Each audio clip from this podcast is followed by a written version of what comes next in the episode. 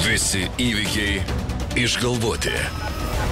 Visos galimybės realios. Prezidentas Andrius Tapinas. Politinis trileris. Visose knygynuose.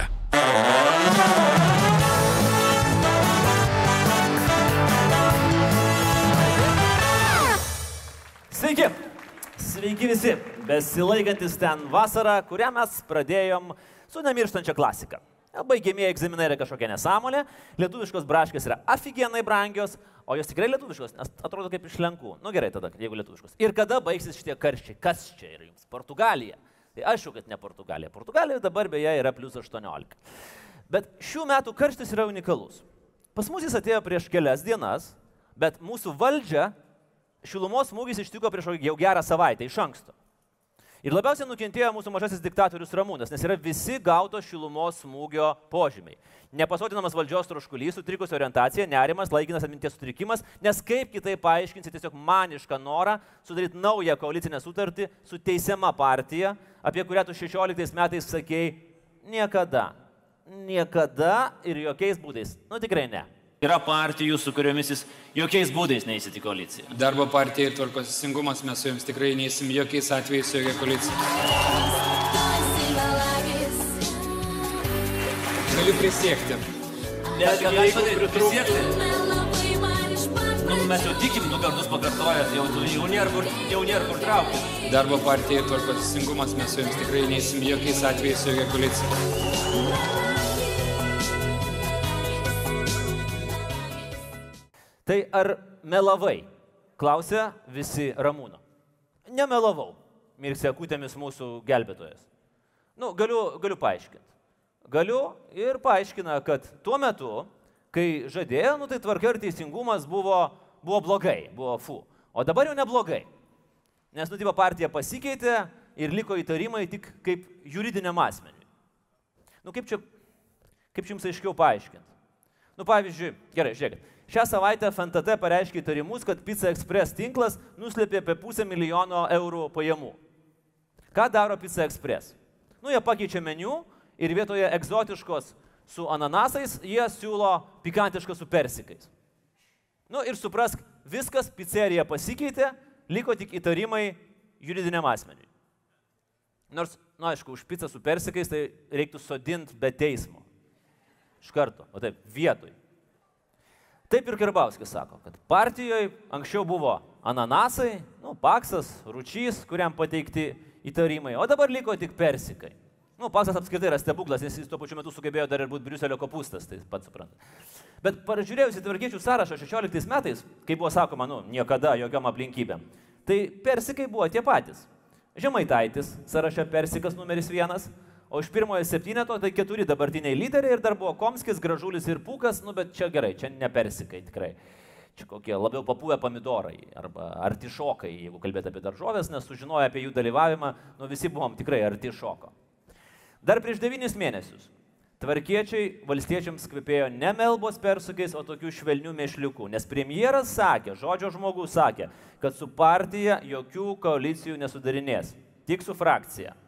Mes nepasirašinėsime su jokiomis partijomis jokių susitarimų, kuriuoms yra pareikšti įtarimai kaip juridiniam asmeniui. Mes kalbam apie bendradarbiavimą su Seimo frakcija. Bet per devynis mėnesius, žinot, daug kas gali pasikeisti, kaip sakė iš pasimatymo kalėjime grįžusi Marina Bui.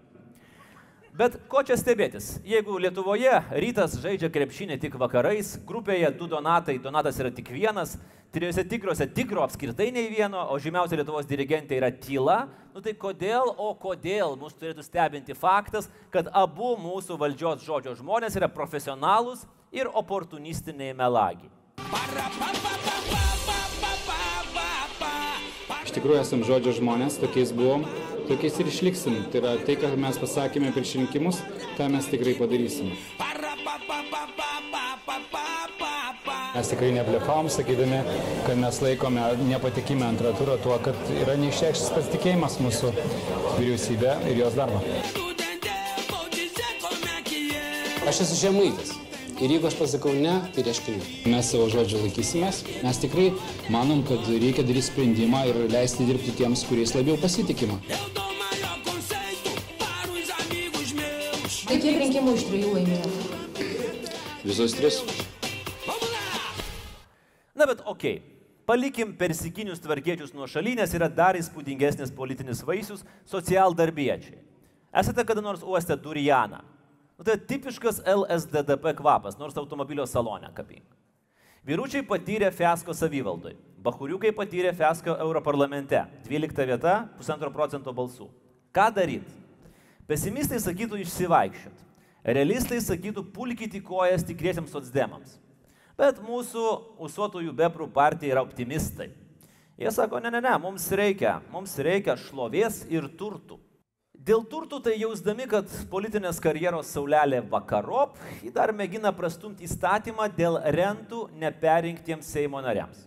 Na, va, idėja Lietuvai. Dar duokim rentas į rinktinę nepaimtiems krepšininkams ir į univerą neįstojusiems abiturientams. Nu, kad būtų visiškas toksai rinkinukas. O dėl šlovės tai nužiauriai norisi sos bebrams dar valdžioj pabūt. Ir va, žiūrėkit, proga. Nauja koalicija. Atsinešė Kirkilas lentą ir sako Karbauskiui, nu davai, žaidžiam. Politiniais šachmatais. Kol Ramūnas suvokė, kad čia op, op ir įdamkės, kaip jo šviesiaplaukiai simpatijai iššokti nepavyks, jau pralošė Kirkilui krūvą postų ir Seimo pirmininko vietą. Ir gal dar eurokomisarą. Ir gal dar naisių senunaičio postą. Nu, žodžiu, viską. Aš nesu didelis orakulas, bet Kirkilui mirtis nuo kuklumo tikrai negrėsi. Aš nesu ir didelis okulistas, bet Kirkilui kažkas yra negerai su regėjimu, nes jis nu visur mato save. Visur. Visos pozicijos. Jūs pats pretenduotumėte į kažkurį tų postų, nežinau dabar Nu, į Kaip kurį. jūs matot, visur galiu pretenduoti. At jeigu atsimenat, kažkada buvo toks serialas Pretendentas, kur pagrindinis herojus galėjo dirbti bet kuo. Nu, tai va šitas serialas pagal tikrus įvykius sukurtas, pagal Kirkilą. Nu ką, nu tada Ramūnas tingiai mostelėjo Pranskiečiui. Nu, valstietė, kelk subinę iš pirmininko kėdės, jau pasėdėjai normaliai ir užteks. Nes Ramūnas nepamiršo. Jis galbūt pamiršta, ką pats sako, bet ką sako kiti, Ramūnas niekada nepamiršta. Aštuonis kartus aš tą pasakiau žodį, jūs pakartojate šešis kartus. Gėda! Gėda! Dėl kurių sprendimų jums gėda? Tarkim, prisiminkim Gretos reikalus ir, ir tikrai man dėl to buvo nepavyko. Ramūnas suvilioja. Ramūnas gal vilioja tegul ką nors. Opa! Ne pirmas jau toks turbūt atvejas būtų, kada jis, jis e, asmeniniu susidarojimo būdu mėtydavo žmonės ir iš partijos. Pati didžiausia dovana ir partijai, ir turbūt ir valstybei dėl ramumo, kad jeigu e, pirmininkas pasitikrintų ir, ir pasi, pailsėtų keletą ten metus ar kažkiek tai laiko,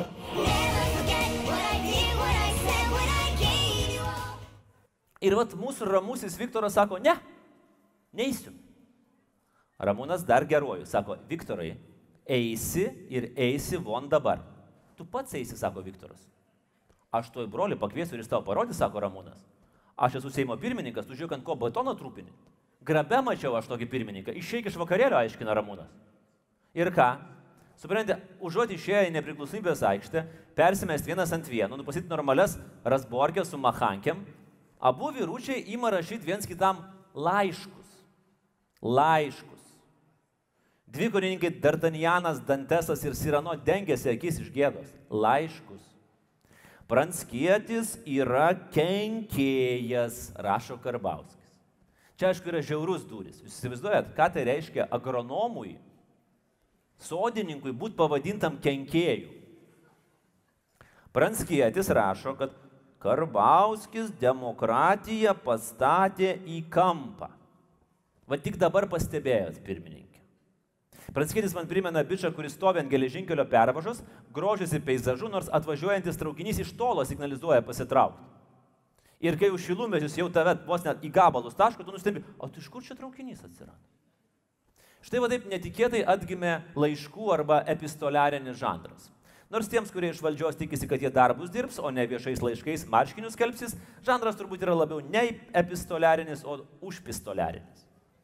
Ir kai šalyje yra toks laiškų renesansas, Lietuvos paštas turėtų iš džiaugsmo rankutėm trinti, bet ne visai.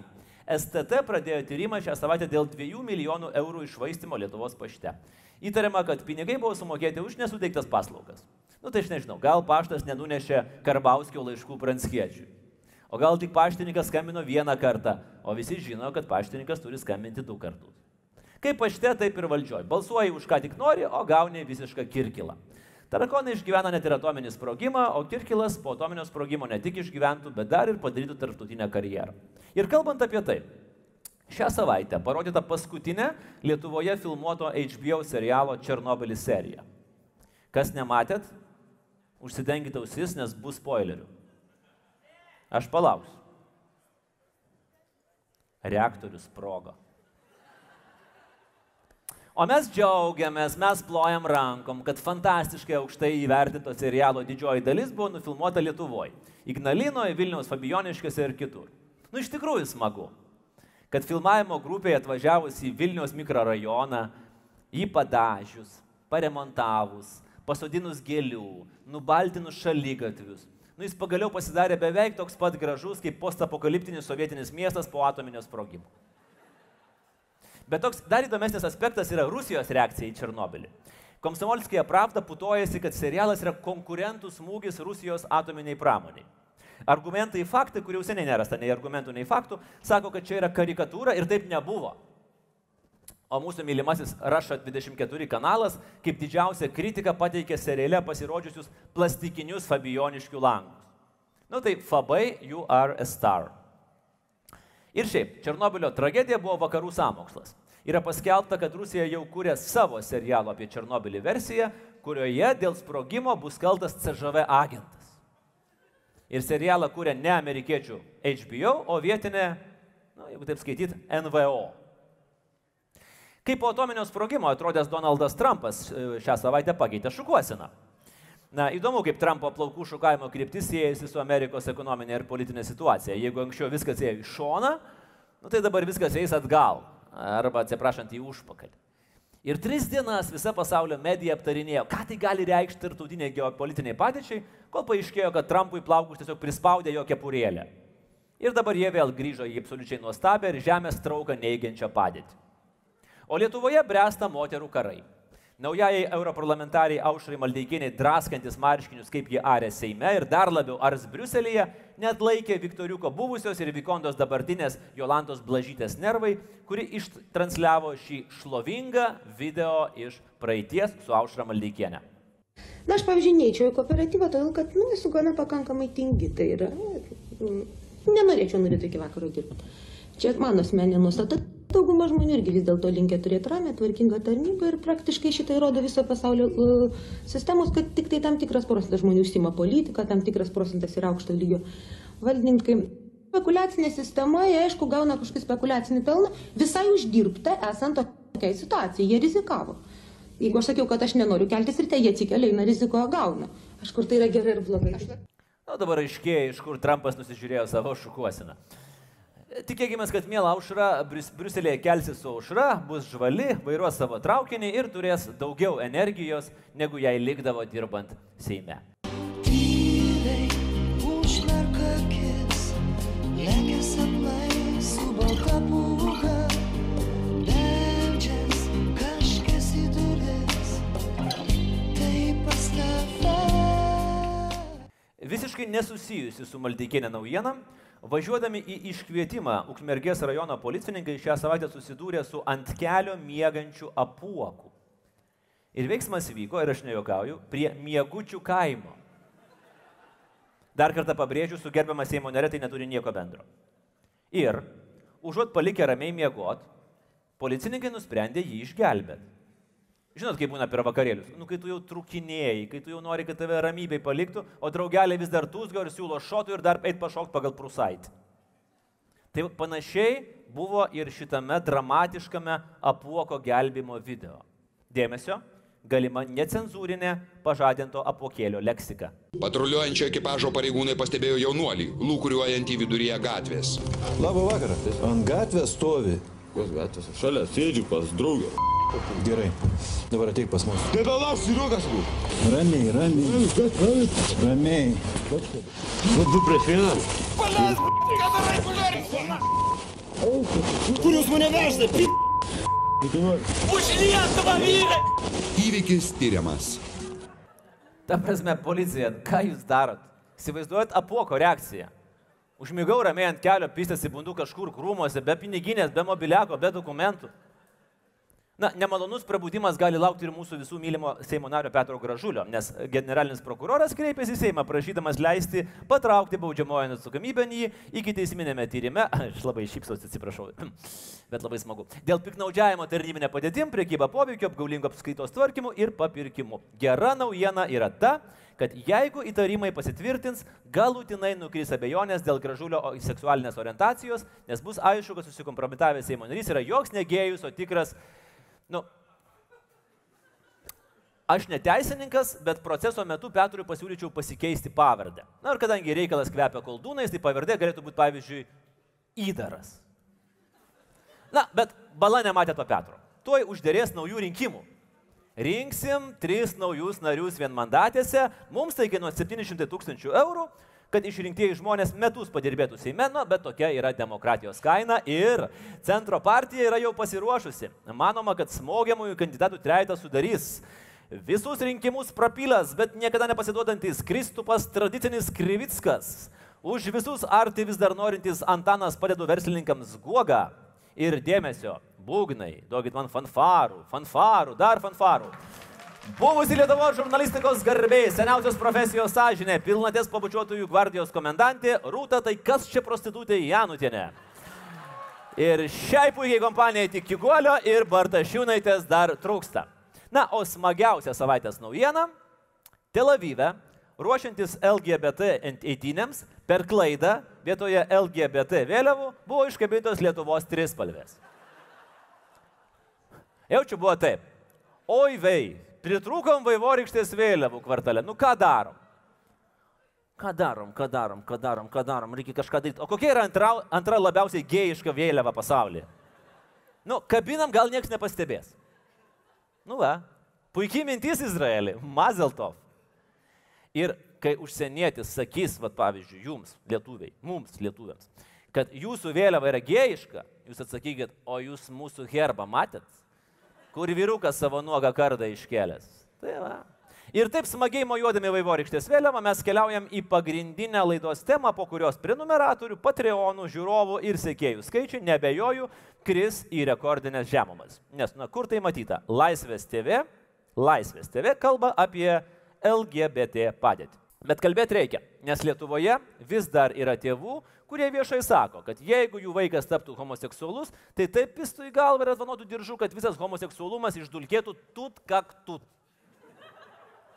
Yra muzikos mega žvaigždžių, kurios ragino Putiną užmesti bombą ant Europos, nes piderai hujelį. Bet 19 metais jau kalbėdamas jos jau linkusios čiutką teisinti. Jeigu Putinas užmestų atominę bombą ant Europos, aš būčiau nieko prieš, nes pidarai hujelį. Bet jums gerai, kai prie, prisiveržėt prie klaviatūros. Žinot, žinot, aš iš tikro, iš tikro, um, aš pats savim kartais stebiuosi.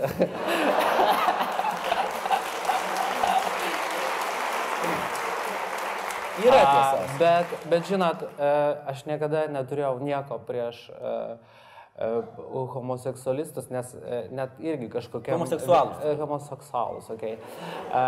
Aš net kažkaip iš tikrųjų genelę pasakiau, ne, čia ne frazę, kaip pasakyti, aš pasakiau, iš tikrųjų ir pats pagalvojau, o kuo jisai kaltas, kad iš to kiaušinio gimė ne višta, o gaidys? Vienas iš labiausiai homofobiškų pasisakymų, kurį aš dabar girdėjau. Pastebėsiu, kad salė tai palydė audringais plojimais perinančiais į ovacijas. Na, yra kaip yra. Egidijus pats sako, kad jis yra visuomenės veidrodis. Na ir žmonės reaguoja. Tad ir pakalbėkim šiandien apie LGBT ir viską, kas slepiasi po šiomis keturiomis raidėmis. Lesbietės, gėjai, biseksualai ir transseksualų žmonės. Dažnai dar pridama ir Q raidė su pliusu. Q reiškia queer arba questioning, tai yra klausantis savęs pačių, kas jie tokie.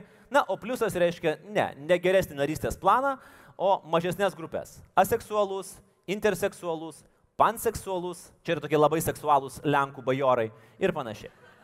Na, panašiai kaip centro partija. Reiškia centro partija plus, tai reiškia plus guoga ir janutinė. Visiems aišku, tema gerokai nupurto didžiąją dalį Lietuvos.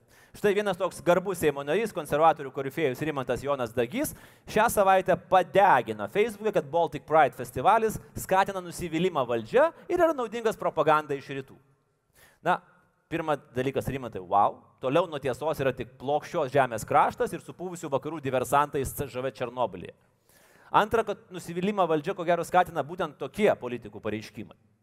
Na, bet vis dėlto dėl vieno Rimantas Jonas LGBT Dagys Nu, kodėl LGBT? Nes labai gabus, bet trenktas. Jo pasidalinta apklausa yra įspūdinga. Rodo, kad bent 60 procentų apklaustųjų nepritarė Baltic Pride. Kiti tyrimai rodo, kad apie 60-70 procentų lietuvių būtų prieš tos pačios lyties partnerystę ir santuoką. Ir žinot, čia kaip rinkimuose. Triumfuoja visos trys pusės. Dagiečiai ir krikščioniškos kultūros institutai sako, laimėjom. LGBT Hebra sako, ne, ne, mes laimėjom, nes prieš penkerius metus mus būtų palaikę ne 40, o tik 4 procentai. Karbauskis sako, laimėjau aš.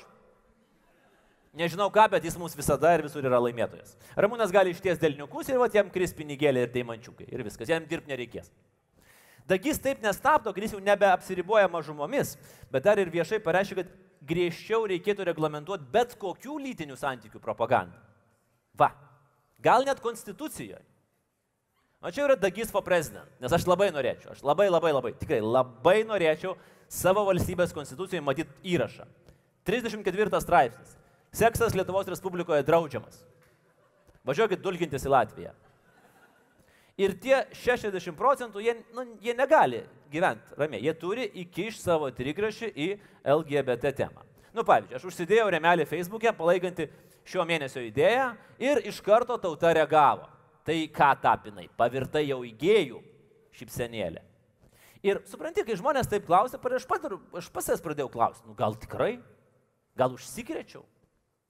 Bet po to prisimenu, kad paskutinį kartą, kai buvau Soho klube, kažkokia agresyviai nusteikusi lesbietė mane nustumė nuo scenos, tai nuo to laiko aš gal net labiau homofobas vis dėlto. Taip, nu, pam ant pam.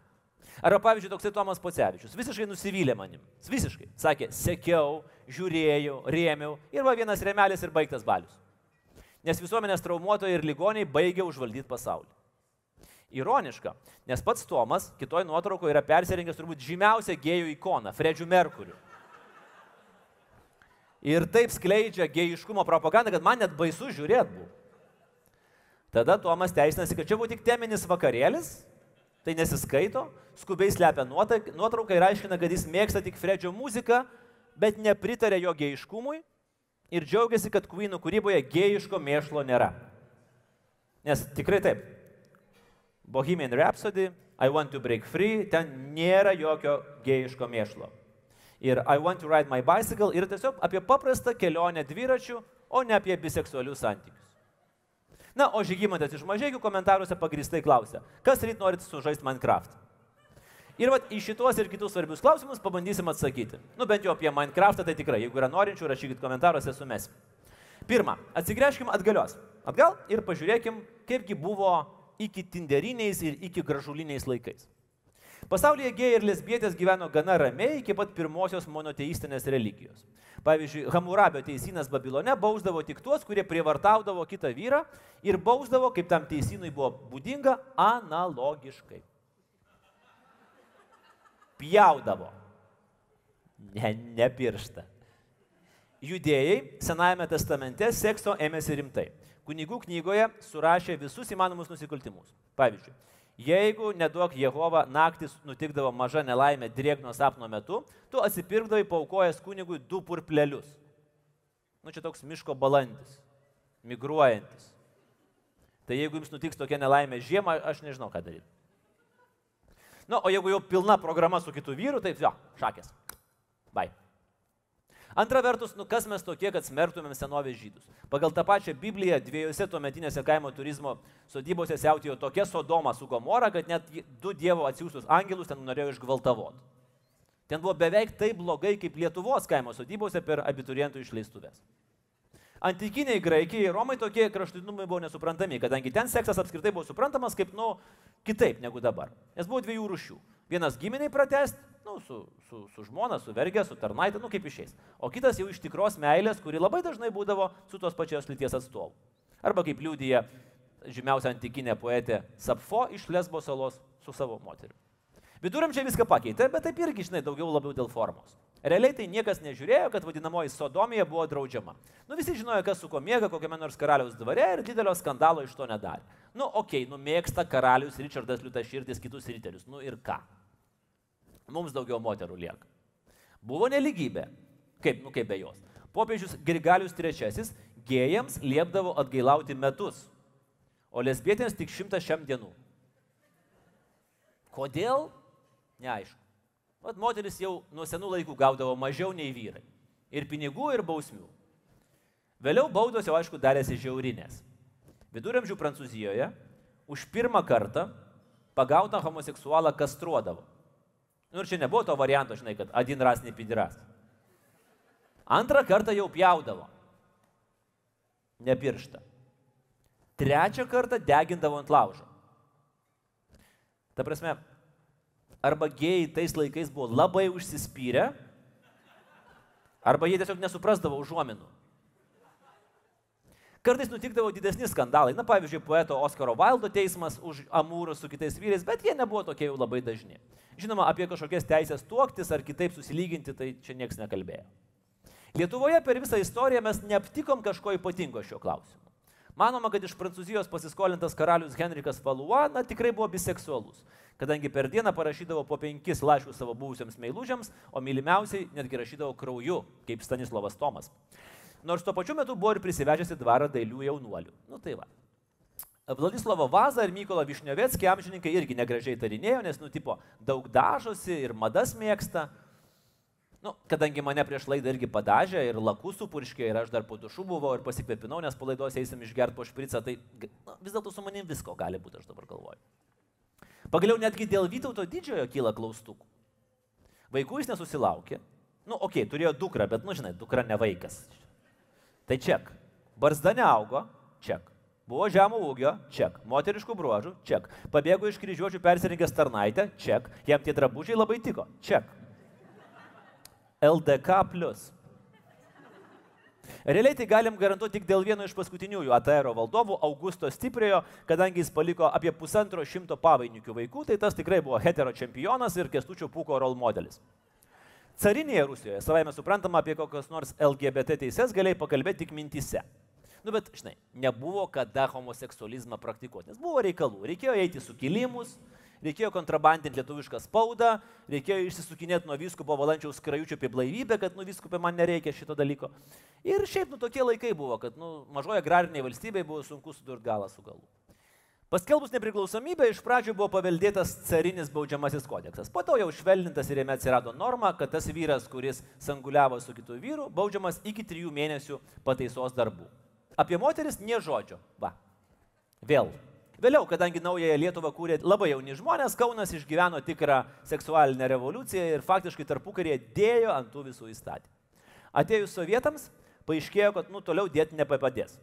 Nes atsirado garsusis BK 122 straipsnis, pagal kurį milicija gaudė gėjus kaip nesuderinamus su socialistinė morale ir teismai jam pliekdavo iki ketverių metų. Ir tuo pačiu metu visas Vilnius žinojo, kad jeigu Černechovskio, dabartiniai Kudirkos aikštėjai, vyriškis vaikšto su keturlinkiai sulankstytų vakarinių naujienų numeriu, tai jis yra pasiruošęs nuotikiams. Swipe right. Kai atkūrėm vėl nepriklausomybę, LGBT teisės tikrai nebuvo pirmajame dešimtuke, nes buvome nu konkrečiai užduhinti sovietinių prietarų ir dar ilgai bijojom kalbėti apie tai, kas normaliame pasaulyje jau seniai buvo normalu. Pavyzdžiui, jau Vilniai žino, kiek metų buvo praėję nuo pirmojo atvirai gėjaus ir beje išeivių iš Lietuvos šeimoje gimusio Harvey Milko išrinkimo Castro rajono merų San Franciske. Ir San Francisco mero Moskonė 78 metais nušovė kolega miesto tarybos narys Danielis White'as. Pas musgi telikuose dar 1996 metais labai rimtų veidų buvo svarstoma homoseksualumas. Lyga ar vis dėlto nelabai? Seksualinės mažumos. Tai yra lyga ar prigimtis? Nežinau. Labai sunku pasakyti. Nežinau tiesiog, galbūt gal ir lyga, o galbūt tiesiog nusistatymas žmogaus, kad aš būsiu kitoks negu normalų žmonės. Aš aišku negalvoju, kad tai yra nenormalu. O 2000-aisiais visą šalį drebino vakaro žinių leidėjo Vito Tomkaus paleista straipsnių serija, juos vadina gėjais. Kai pakiždamos po abejojančiais klaustukais šiukšležinės viešino žinomus Lietuvos vyrus, kai kuriuos šantažuodamos, kai kuriuos tiesiog naikindamos. Šviesios atminties maestro Virgilijus Noreika tai įvardijo paprastai - banditizmu. O tuomet ir žurnalistų etikos komisijos pirmininkas Laimonas Tapinas tai pavadino šlikščių pasityčiojimų ir iš padarumo iš žurnalistikos, kas realiai tik įrodo, kad geiškumas yra ne tik užkrečiamas, bet ir paveldimas iš tėvo sūnui. O nuo Tomkaus mes gydėmės kaip nuo chlamydijų - tepalais ir kantrybė. Ir atrodo, kad jau beveik išsigydėm, liko tik tai keli raudoni spogeliai. Ir persikelkime į šiandieną. Su kokiamis problemomis Lietuvoje susiduria LGBT bendruomenė? Pirma yra politinė problema. Dantės pragare yra atskiras ratas skirtas žmonėms, kurie savo politinę karjerą stato ant LGBT heitinimo.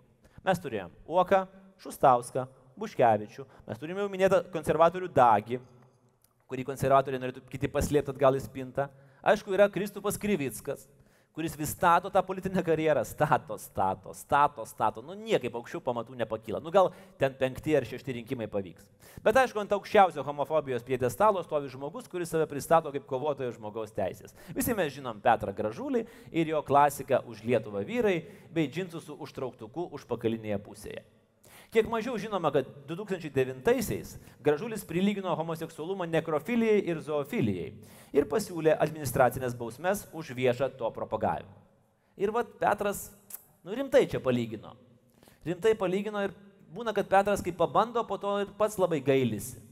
Tikrai gyvenime daug esu nuodėmų padaręs ir eini bažnyčią, mildys atleistų viešpatį man silpnam žmogui. Kodėl aš toks esu? Petras yra gyvas įrodymas, kad vienu metu žmogus gali būti ir politinis pederastas, ir aršus homofobas. Unikalu.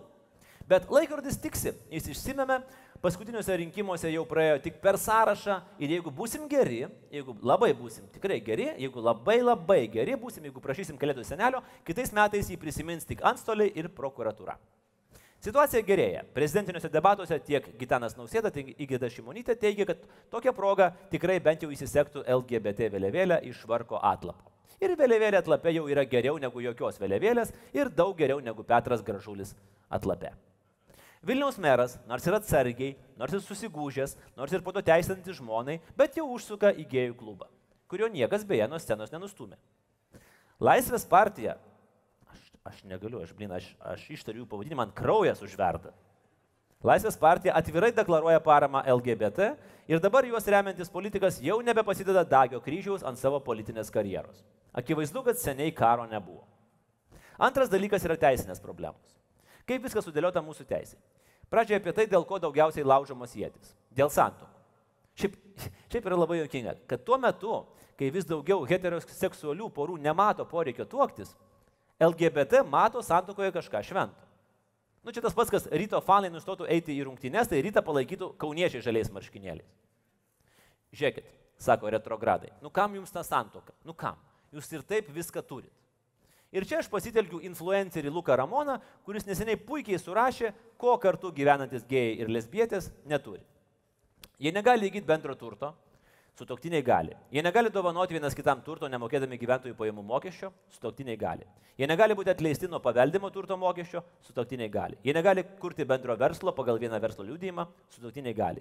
Jie negali būti vienas kito atstovai pagal įstatymą, sutoktiniai gali. Jie negali skirtis teisminė tvarka, jie negali sutvarkyti turto padalymo klausimų. Jie apskritai negali įgyventi tų teisių, kurias civilinis kodeksas garantuoja sutoktiniams. Jie negali būti atleisti nuo baudžiako, jeigu nepraneša apie su gyventiniu padarytą nusikaltimą. Sutoktiniai gali. Jie negauna atostogų sergančio su gyventinio slaugimui. Sutoktiniai gauna. Jie negauna našlio pensijos, vienkartinių išmokų su gyventiniu mirus. O sutoktiniai, spėkit, gauna. Žodžiu, kai kitą kartą jums pradės krūšti smegenis, kad viską jie turi ir tik tai maivosi, na, va čia yra visas aprašas. Ir dar priminkim, kad partnerystės įstatymas, kuris turėtų bent šiek tiek pataisyti padėtį, yra pažadytas dar 2001 metais civiliniam kodekse. Jeigu norit suprasti, kaip tai buvo seniai, tai tais metais Kauno Žalgeris LKL finalo serijoje žaidė su rytų visas penkias rungtynes ir vos vos laimėjo.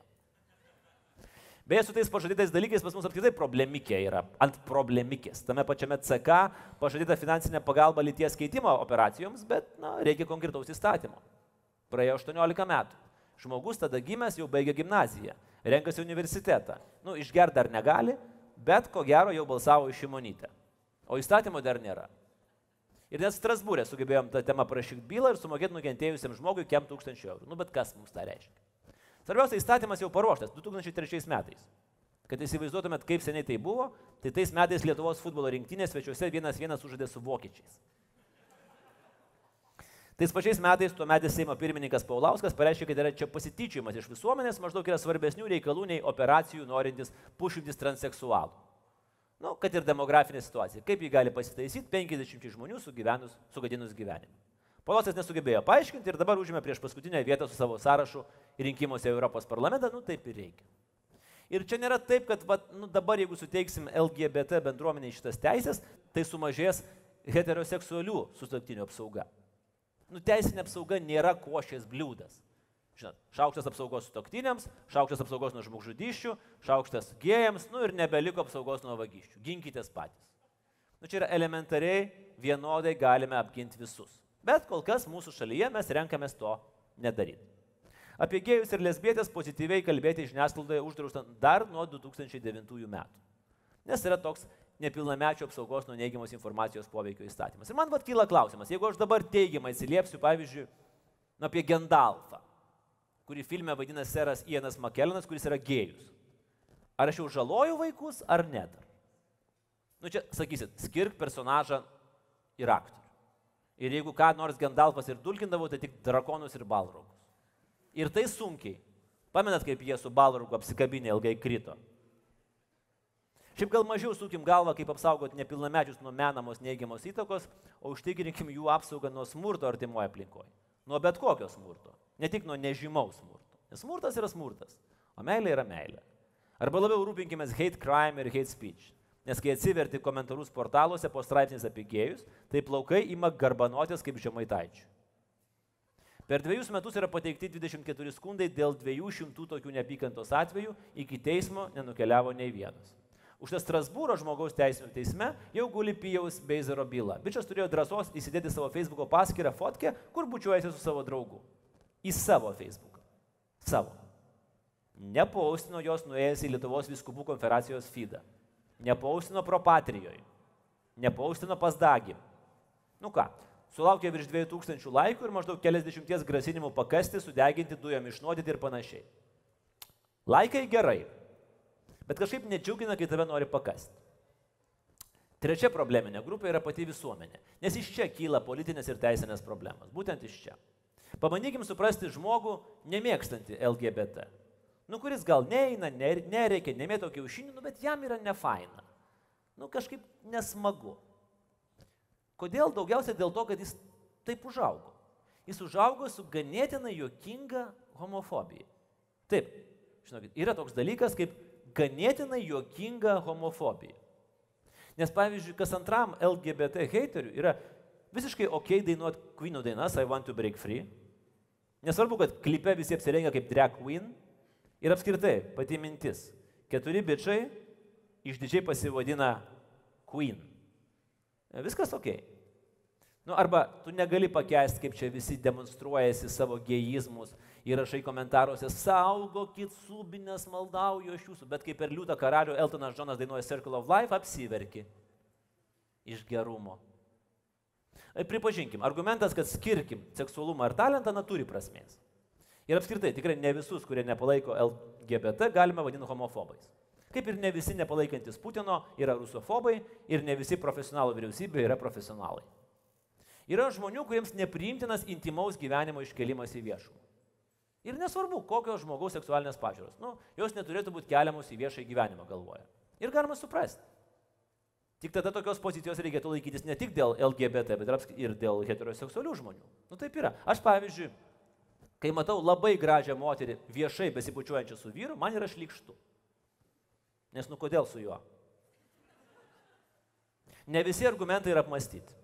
Tai mes pristatom jums geriausius, ne iki galo apgalvotus argumentus apie LGBT bendruomenę. Pirmas. Visi per paradus eina ir mojuoja savo genitalijom. Nu dabar jūs įsivaizduojate, taip? Nu, fu, aišku, bet nu, ar tikrai fu, nes nu, priklauso nuo to, kokios genitalijos ir kokia trajektorija mojuoja. Ir kaip arti veido. Bet jeigu rimčiau, tai nu, nu, nemačiau aš nei Lietuvoje, nei Baltijos šalyse kažkaip tokio polinkio nebuvo ir, nu, kažin ar bus. Kartais Seimo posėdžiuose labiau mojuoja moraliniam genitalijom. Antras argumentas daugas neskiria LGBT nuo pedofilų. Nu, čia kaip sakoma, tegul tie gėjai daro, ką nori, tik prie vaikų nelenda. Šitą dovaną mūsų visuomenė užturbino Violetinė tetutė ir nuo to laiko visi turintys griežtą nuomonę apie gėjus turi dar griežtesnį supratimą, kas yra kas, kas čia jie tokie yra. Jeigu kam įdomu, tai homoseksualai sudaro 10 procentų pedofilų. Kitas mūsų topė argumentas, tai gal tegu jie tuokėsi su karvytėm ir šuniukais. Vėlgi, jeigu kažką gali daryti kartu du vyrai ir du moteris, tai nereiškia, kad reikia daryti su karve. Nes, nu, parodykit man gražiai nulakuotas karvės kanopas. Mat nerandat. O mes radom. Bet vėlgi, mūsų šalyje yra net oficiali valdžios pozicija. Karvės to nesupras. Dar vienas argumentas, jo, aš jau minėjau, saugokit šiknas dėl Dievo. Ir kažkodėl savo šiknas labiausiai saugo tie, kurie užsirašinėja raištelius atsisėdę, dantisto paslaugomis paskutinį kartą naudojusi prie ruso, dezodorantų tepėsi tą dieną, kai sprogo Černobilis ir mano, kad karštą vasaros dieną troleibuse geriausiai tinka vaifbiterio maikutė ir aukštai pakelta ranka. Bet savo užpakalis nuo gėjų jie saugo labiau negu kažkėjus nemirtingumą. Ой, dar eina su barzda, ryža dar, blėt, tu, blėt. Pederastas dar su ryža barzda, blėt, eina. Tai jisai daro, jisai daro, kuti, kuti. Pažiūrėkit, Sofilai vedasi mešką. Na ir galiausiai, argumentas, kad taip einama prieš gamtą ir taip neturėtų būti. Bet žinot, kas dar yra nenatūralu gamtoj? Batai. Netikit? Prašau.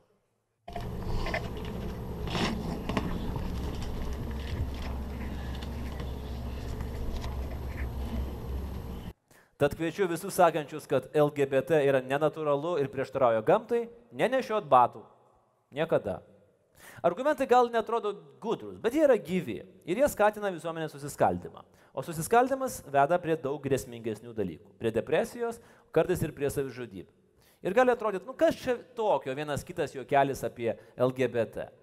Bet kai pamatai internete paustus iškrypelių paradas, nukryžiuot visus, nu kai kam tai gali būti paskutinis lašas. Mokyklose Lietuvoje dažnai apsimetama, kad homoseksualus moksleiviai neegzistuoja. Nu, nu nėra jų. Mokytojai, ir čia faktas, nevažiuoja į kursus, kaip elgtis su tokiais vaikais, nes nu nepatogu. Ir gėda mūsų mokykla, jeigu sužinos, kad pas mus gėjai mokosi. Ir va tada patyčios, ir tada pasimetimas, ir sutrikimas, ir mintis apie savižudybę, ir perkrautos jaunimo linijos. Nes nu kas čia tokio, kad devintokas mestel savo klasės draugą, draugui frazę, nenumesk muilo pideriuk. Mažo miesto, mažoje mokykloje. Ir didžiausia LGBT problema Lietuvoje yra, nepatikėsit kur, bet šeimoje. Ten, kur homoseksualų žmonės galėtų jausti saugus ir remiami, dėja. Dauguma tėvų arba atsižada savo vaikų, arba tiesiog apsimeta, kad nu, nieko čia nevyksta. Nieko nėra. Ir net tie, kurie šiaip taip susitaiko su tokia padėtim, vis tiek tyliai prašo, kad į giminės balių sunus atvyktų be savo draugo, nes ką žmonės pagalvos. Va tas, ką žmonės pagalvos. Žinokit, nemažasis diktatorius stabdo mūsų valstybės progresą. Ne ruso baimė, ne pinigų stygius, netgi vis dar košmariškos kalafioro kainos. O tas vad baisinis visą mūsų vidinę laisvę gniuždantis autocenzorius. Ką žmonės pagalvos? Ok, o dabar pabaigai dar vieną medalio pusę. Pati LGBT bendruomenė. Ar ji jau yra tokia švelni, balta ir pukuota, kurią reikia tik tai glostyti, šluostyti ašaras, guosti ir sakyti, you can do no wrong. Nu, nevelnio, į tokia nėra ir čia jau yra bendruomenės problemos. Ir aš sakau ne savo nuomonę, o įgarsinu keliolikos skirtingų LGBT žmonių, kurie konsultavo laikykitės ten jausmus. Pirma problema, nuo kurios ir pradėjom, pydarus muša. Lesbių nemuša, nes jas dar gali išgydyti. Nu, koks nors heteroseksualus mačo. Bet pydarams tai tikrai reiktų vieną kalšką, kad užmigtų amžiams. Ir va štai šita linija yra labai pelninga kai kuriems LGBT lyderiams Lietuvoje. Kodėl? Užsienyje veikia ne viena dešimtis skriaudžiamų ir represijas patiriančių LGBT žmonių iniciatyvas finansuojančių organizacijų. Ir geriausias argumentas, kaip ir minėjau, pas mus pydarus muša. Nes jeigu raportuot, kad padėtis gerėja, kad apklausose auga visuomenės palaikymas, kad eitynės tampa miesto švente, o meras lankosi gėjų klubuose, nu, fondai gali gūžtelti pečiais. tai pas jūs reikalai tvarkosi. Ir nukreipti finansus kitur. Kažkiek panašumo yra su negerbiamo Tomaševskio veikla, kurstant nesutarimus tarp lietuvių ir lenkų. Nes jeigu tu raportuosi šeimininkams, kad lietuviai su Lietuvos lenkais atranda bendrą kalbą ir klausosi vieni kitų, nu, tai kam tu toks reikalingas, ne? Antra, bendruomenė Lietuvoje yra susiskaldžiusi kaip radžvilistai su juozaičiukais. LGBT Lietuvoje yra vieninga kaip niekad, yra pasakęs niekas niekada. Ir viduje jie rėjasi smagiau negu abiejų tautų Respublikos Seimelis ar Lietuvos kultūrininkai norintys valstybės paramos. Lesbietės jaučia seksizmą ir gėjų dominavimą. Patiems gėjams yra primetamas amžinai jauno, gražaus ir raumeningo gėjų stereotipas. Nu, o ką tada daro pasenę gėjai? Aš paklausiau vieno LGBT žmogaus. Liūdi, trumpai atsakė jis. O well, buvo tokia puikia grupė, liūdni slibinai, tai ją galėtų pakeisti grupė liūdni seni gėjai. Bet hm, čia kažkas yra. Sad Old Gays. Lietuva siunčia į Euroviziją Amsterdame. Neįmanoma nelaimėti. 99 procentai. Nebent su, ne, su apranga nepais. Nu, bet sunku nesusiskaldyti, kai tave sieja tik seksualinė orientacija, o susirėti gali ne tik dėl to, kaip teisingai atstovauti savo interesus, bet ir už ką balsuoti. Nežinau, už šimonytę ar už nausėdą. Trečia problema - tas pats atstovavimas. Dalis bendruomenės mano, kad reikia revoliucijos, dalis, kad evoliucijos ir kad situacija pamažu ramiai gerėja. Dalis LGBT žmonių mano, kad tokie audringi oratoriai, pavyzdžiui, kaip Romas Zabarauskas, kuris pasiryžęs gerklę perkas, bet kuriam norinčiam išlikti neutraliu šitoje situacijoje, daro daugiau žalos negu naudos. Versdami nemažą dalį žmonių rinktis, su kuo jie yra. Nu, galėtų būti renkamas toks gėjų seimas. Pusiau juokais atsiduso dar vienas LGBT žmogus su manim kalbėdamas. Ir čia yra ketvirta problema. Kuo LGBT Lietuvoje panašiai bolševikų Sovietų sąjunga? Kad atėjo Vladimiras visiems laikams.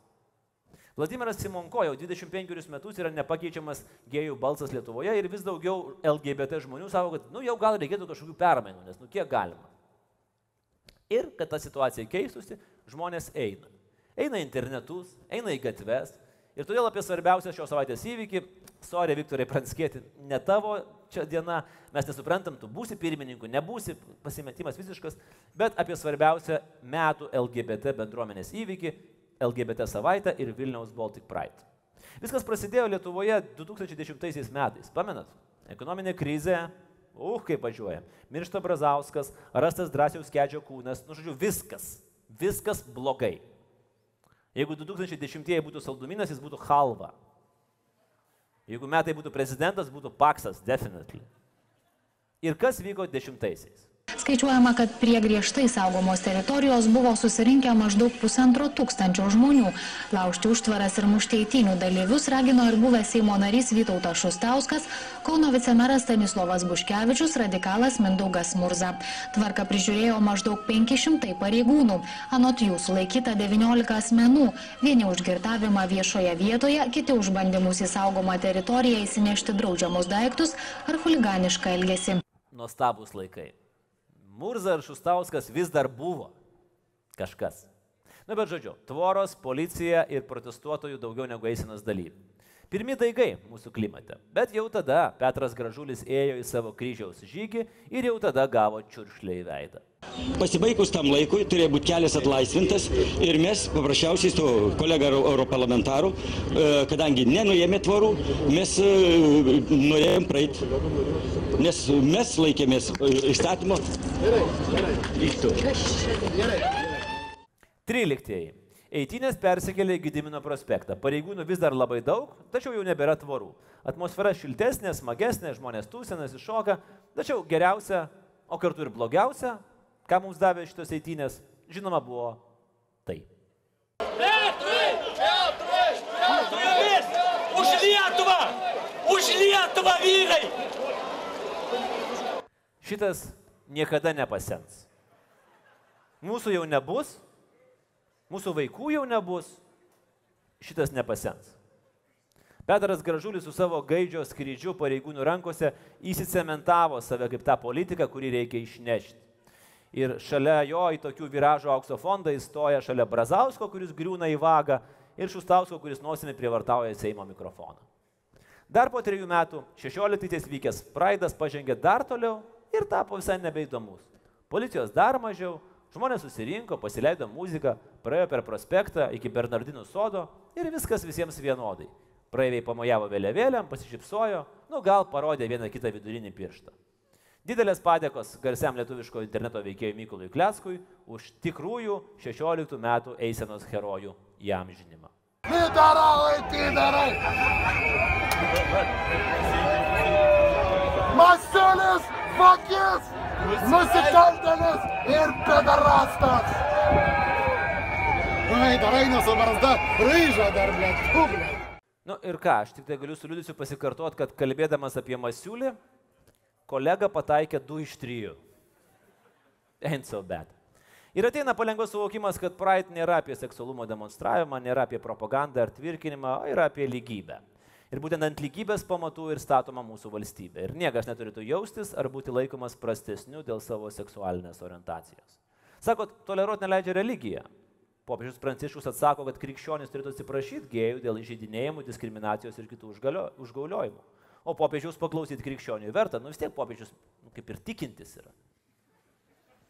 Vilniaus Bernardino parapijos klebonas Evaldas Darulis prideda, kad kiekvieno save krikščionių laikančių žmogų, žmogaus požiūris į LGBT asmenys turėtų būti pagarbus ir taktiškas. Jo iniciatyva Bernardino parapijoje yra įsteigta be ne vienintelė Lietuvoje LGBT asmenų grupė. Čia kunigas teikia pagalbą parapijai priklausančių homoseksualių, translyčių asmenų tėvams ir šeimoms. Ir pagrindinė žinutė, kurią sako ir popiežius, ir klebonas, ir kartu visas LGBT judėjimas - lygybė ir pagarba vienas kitam. O ekonomika geriau gyventi ir turėti daugiau pinigų būtų neprošal visiems. Ar yra skirtumas, kas mokės mokesčius? Gal bus naujiena, bet LGBT nariai irgi moka mokesčius VMI. Irgi eina į darbą, prekinasi maksimuose, valgo čiliakį. Na nu, gerai, dėl čiliako aš gal perdėjau. Aišku.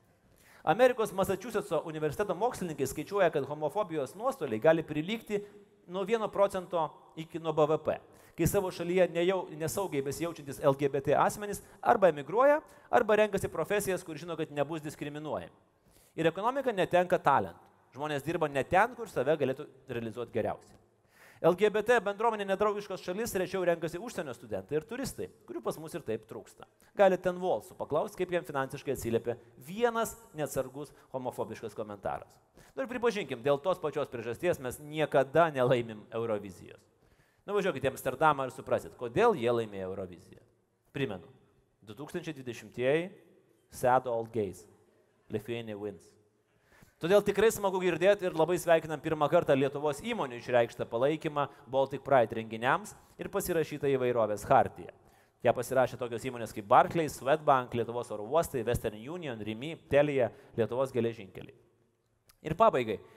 Sveikatos psichologijos katedros vedėjos Lietuvos sveikatos mokslo universitete Nidos Žemaitienės atliktas Lietuvos paauglių tyrimas atskleidė, kad apie 3 procentai berniukų ir mergaičių Lietuvoje patiria nerimą susijusi su seksualinė orientacija ir tai tampa itin sudėtingų išgyvenimo mokykloje priežastim.